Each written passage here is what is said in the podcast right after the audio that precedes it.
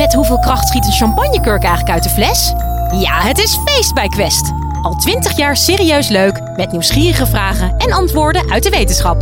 Zo maken we Nederland elke dag een stukje slimmer. Nu in de winkel en op quest.nl. Universiteit van Nederland. Welkom bij de Universiteit van Nederland podcast. Ik ben Marijn en deze aflevering gaat over genocide. De laatste tijd hoor je die term weer steeds vaker langskomen vanwege het conflict tussen de Israëliërs en de Palestijnen. Ze beschuldigen elkaar over en weer van genocide. Maar wat betekent het woord nou precies? Historicus Uhur Umer van de Universiteit van Amsterdam legt het uit.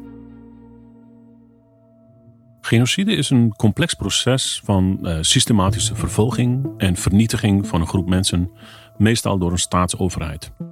De bekendste genociden zijn natuurlijk de Holocaust, de moord uh, door de nazi's op ongeveer 6 miljoen Joden en enkele miljoenen anderen tijdens de Tweede Wereldoorlog. Maar we hebben ook bijvoorbeeld de genocide op anderhalf miljoen Armeniërs in 1915 door de Turkse overheid. De genocide tegen de Tutsis in 1994 in Rwanda. De genocide in Bosnië door de Serviërs in de jaren 90. En helaas is de 21ste eeuw niet beter begonnen. Er zijn voorbeelden van genocide in Soudaan bijvoorbeeld. Genocide gepleegd door de Islamitische Staat in 2014 tegen de Jezidis, een kleine etnische religieuze groep in Irak. Door naar nu kun je in het conflict tussen de Israëliërs en Palestijnen spreken van genocide. Wat er gebeurt in uh, Israël en Gaza sinds uh, eh, 7 oktober, dus de scherpe escalatie van geweld, vooral aan de Israëlische zijde, heeft te maken met genocide. Aan de ene kant zagen we op 7 oktober een aanval, toch redelijk grootschalige aanval van, van Hamas. Voornamelijk gericht tegen Israëlische burgers. Groot aantal, het grootste aantal doden waren burgers die mensen zijn uitgekozen omdat ze Israëliërs waren. Er is geen onderscheid gemaakt tussen mensen die burgers waren of combattanten, dus eh, in het leger. Dus dat is een soort, ja, toch een genocidale aanval geweest. En aan de andere kant is de tegenaanval, dus het contra-offensief van Israël, is zo grootschalig en zo categorisch gericht op de Gazanen in het algemeen, met vrijwel geen onderscheid tussen burgers en combattanten, dat daar ook zeker sprake is van, van een genocidaal proces. Voordat je kunt vaststellen of er ergens sprake is van genocide, moet je het er wel over eens zijn wat het is. Begin 20e eeuw wordt de term bedacht door een Pools-Joodse rechtenstudent, Raphaël Lemkin. Hij is eigenlijk geïnteresseerd geweest hoe het eigenlijk komt dat het internationaal recht dit soort grootschalig geweld nooit heeft weten in te dammen. En Lemkin heeft zich verdiept toen in de media bijvoorbeeld door uh, te lezen over voorbeelden van massamoorden. Zoals bijvoorbeeld de Armeense genocide. En zo heeft hij langzaam kennis opgebouwd en langzaam proberen te begrijpen hoe het uh, eigenlijk komt dat dit soort grootschalig geweld voorkomt.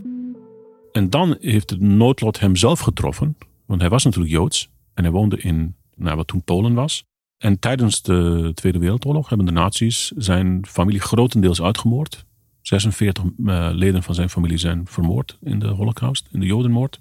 Dat was een katalysator voor hem om nog dieper hierover na te denken. En toen heeft hij een boek geschreven waarin hij genocide een gecoördineerd plan noemt met verschillende uh, methoden om een bepaalde groepering integraal uit te roeien. De definitie ligt vast, juridisch gezien. Het is vanaf nu eenduidig wat genocide betekent. Maar genocide is niet één ding.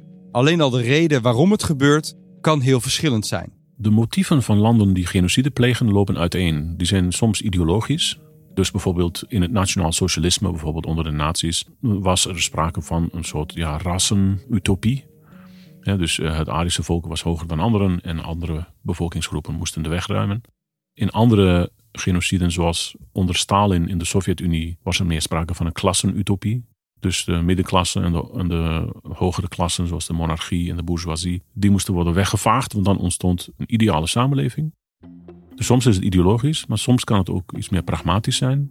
Dus bijvoorbeeld als een koloniale macht, eh, neem bijvoorbeeld de Spanjaarden in Latijns-Amerika, tijdens de koloniale periode hebben geprobeerd om koloniën op te richten eh, en vonden dat de inheemse bevolking in de weg stonden van die plannen.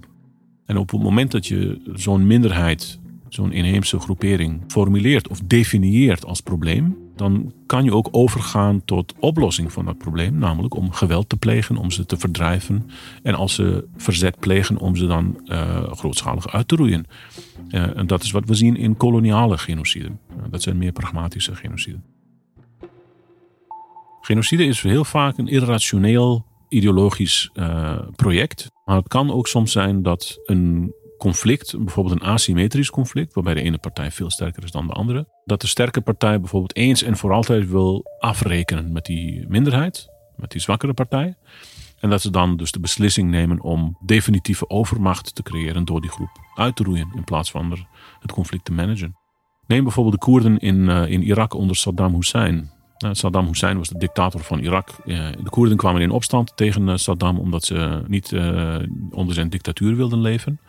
En in plaats van die opstand alleen neer te slaan, ging Saddam over eigenlijk tot een grootschalige uitroeiing van de Koerden. Omdat hij dacht, als je vis wil vangen, dan moet je het meer uit, uitdrogen. Ik ga eens en voor altijd afrekenen met deze, met deze mensen. En ook al lukt het Lemkin om genocide in het internationale recht op te laten nemen, nog steeds kunnen landen het oneens zijn of iets wel of geen genocide is. Omdat genocide zo'n krachtterm is, het is een begrip dat veel emotie oproept. Het gaat natuurlijk over de collectieve identiteiten van mensen. Het gaat over de identiteiten van hele staten, van etnische en religieuze groepen. Is er vaak geen consensus over wanneer er sprake is van genocide. En wat je vaak krijgt is dat zodra er een oorlog uitbreekt of zodra er geweld is tegen burgers, dat het begrip te pas en te onpas wordt gebruikt en misbruikt door deelnemers in het conflict. Die elkaar ervan beschuldigen vaak van het plegen van genocide.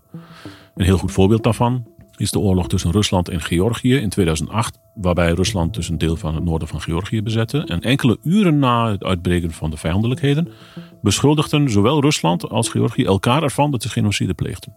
Terwijl daar uh, geen enkele sprake van was. Het komt ook voor dat genociden uh, niet worden erkend vanwege de voortdurende macht van de daderstaat. Dus in het geval van Duitsland, de nazi's hebben de oorlog verloren. Dus heeft de, de naoorlogse Duitse overheid, die heeft erkend wat de Duitsers hebben gedaan. Maar in andere voorbeelden, zoals uh, bijvoorbeeld de Armeense genocide van 1915, is dat niet het geval. De Armeense genocide is de uh, deportatie en moord op iets meer dan een miljoen Armeniërs. Tijdens de uh, Eerste Wereldoorlog in 1915 heeft de Turkse overheid de beslissing genomen om de Armeense burgerbevolking integraal te deporteren en te vermoorden. En dat is grotendeels ook gelukt. En daarmee is eigenlijk ook territorium van de Republiek Turkije vrijgemaakt van Armeniërs en eigenlijk overgebleven aan, aan Turken. En zo is ook de Republiek Turkije uitgeroepen. In dat geval ontkent Turkije al meer dan 100 jaar dat het betrokken was, uh, dat het de Armeense genocide zelf heeft gepleegd. Dus als pleger van genocide kun je het ontkennen of niet erkennen. Maar niet alleen de plegers van genocide kunnen ervoor kiezen om deze term te omzeilen. Als je iets genocide noemt, dan moet je eigenlijk ook ingrijpen. Of je verplicht jezelf ertoe om er ook iets aan te gaan doen. Want wat je niet kan doen, is zeggen: Goh, daar is een genocide gaande, maar wij gaan nu even verder door met de orde van de dag. Dat kan dus niet. In 1948 ontstaat het Verdrag voor de Bestraffing en Preventie van de Misdaad Genocide, die heel veel landen hebben geratificeerd, en Nederland ook. Elk land dat het verdrag ondertekent, gaat een, uh, een toewijding aan om iets te doen uh, zodra er sprake is van genocide, waar dan ook ter wereld. En dat betekent dus een aantal dingen. Eén, bijvoorbeeld als je spreekt van genocide, dat je dan de verplichting hebt om in te grijpen, om er iets tegen te doen. Dus het is een verdrag voor preventie, dus ook voor interventie en voor bestraffing. Wat er natuurlijk tot heeft geleid dat veel landen die van tevoren niet wilden ingrijpen, dat ze er begrip uit de weg zijn gegaan. Dus het verdrag is op zich een goed idee, maar het verplicht ook landen tot iets waar ze eigenlijk vaak niet zoveel zin in hebben, namelijk interventie. Dit, dit probleem hebben we gezien bijvoorbeeld in Rwanda, waarin de Amerikaanse toenmalige president uh, Bill Clinton heel lang heeft getreuzeld met het uh, gebruiken van het woord genocide. Bill Clinton was bang voor het feit dat als hij het woord genocide gebruikte, dat hij dan verplicht was om in te grijpen. Uh, en omdat hij dacht dat een interventie in Afrika niet goed zou vallen bij het electoraat, is hij doelbewust de term uit de weg gegaan. En dat heeft ertoe geleid dat binnen drie maanden 800.000 Tutsis zijn vermoord. Er zijn economische belangen om iets al dan niet uh, genocide te noemen, maar er spelen veel vaker geopolitieke belangen mee. Om een voorbeeld te geven, op dit moment zitten 1 miljoen Oeigoeren, het is een moslimminderheid in het westen van China, zitten in concentratiekampen. Nou, als je goed kijkt internationaal, welke landen hebben dit veroordeeld en welke landen niet. En als je daar goed naar kijkt, dan zie je dat interessant genoeg dat moslimlanden eigenlijk hun mond niet opentrekken tegen uh, China. Hoewel ze dus op papier nou ja, solidariteit zouden moeten betonen met de mede-moslims in uh, China. Integendeel, je ziet juist dat westerse landen, dus Canada, Australië, Nederland, België, Frankrijk, dat die het geweld tegen Oeigoeren hebben veroordeeld. Dus daar spelen natuurlijk economische belangen bij. Een land als Pakistan, wat afhankelijk is van de Chinese economie, kan het zich simpelweg niet permitteren om tegen de leider van China, Xi Jinping, te zeggen: Goh, je hebt, je hebt eh, een miljoen van onze medemoslims in concentratiekampen opgesloten. Nou, dat vinden wij niet oké. Dat kan een land zich simpelweg niet geopolitiek niet permitteren. En als we dan naar Nederland kijken, al meer dan een halve eeuw een veilig land, is er een kans dat wij in de toekomst direct met genocide te maken krijgen. Nederland heeft zelf genocide gepleegd in de koloniën natuurlijk, in Nederlands-Indië. En Nederland heeft te maken gehad met de Duitse genocide op de Nederlandse Joden tijdens de Tweede Wereldoorlog. Kan er nu in Nederland een genocide plaatsvinden? Niet morgen en ook niet volgende week. Maar samenlevingen zijn fragiel. En als er een ernstige destabilisering eh, ontstaat van het eh, maatschappelijk evenwicht, een politiek evenwicht, dan is alles mogelijk in principe. Stel je voor dat er een scherpe polarisering ontstaat in de Nederlandse politiek, zo scherp dat het bijvoorbeeld de parlementaire democratie ondermijnt. En dat bijvoorbeeld politici zich terugtrekken in bepaalde kampen en niet meer met elkaar willen spreken. Dat het parlement wordt opgeheven en dat je dan straatgevechten ziet tussen mensen van verschillende politieke eh, houdingen. Nou, dan ga je wel richting een proces waarin er sprake is van gewelddadige polarisatie. Nou, op het moment dat er radicale politieke partijen zijn die een heel duidelijk vijandbeeld hebben van een bepaalde etnische groep, religieuze groep of ook politieke groep. En die politieke partijen krijgen vrije hand om bijvoorbeeld knokploegen te organiseren en om wapens in te slaan en geweld te plegen tegen hun targets. Als dat soort politieke partijen de macht grijpen in een bepaald land, dan kan het heel goed zijn dat ze hun visie gaan uitvoeren. De enige garantie tegen genocide is eigenlijk de democratische rechtsstaat. En om verschillen, meningsverschillen ook in de politiek, altijd met woorden te beslechten. En elkaar serieus te nemen. In plaats van je terugtrekken in bepaalde kampen en afstand te nemen van de politiek. Daar moet je uiteindelijk in verder. Op het moment dat je je terugtrekt in bepaalde kampen en je gaat je bewapenen op straat, dan is het hek van de dam. Dank je, Oehoer Ummer, voor je uitleg. En jij bedankt voor het luisteren. En heel graag tot de volgende.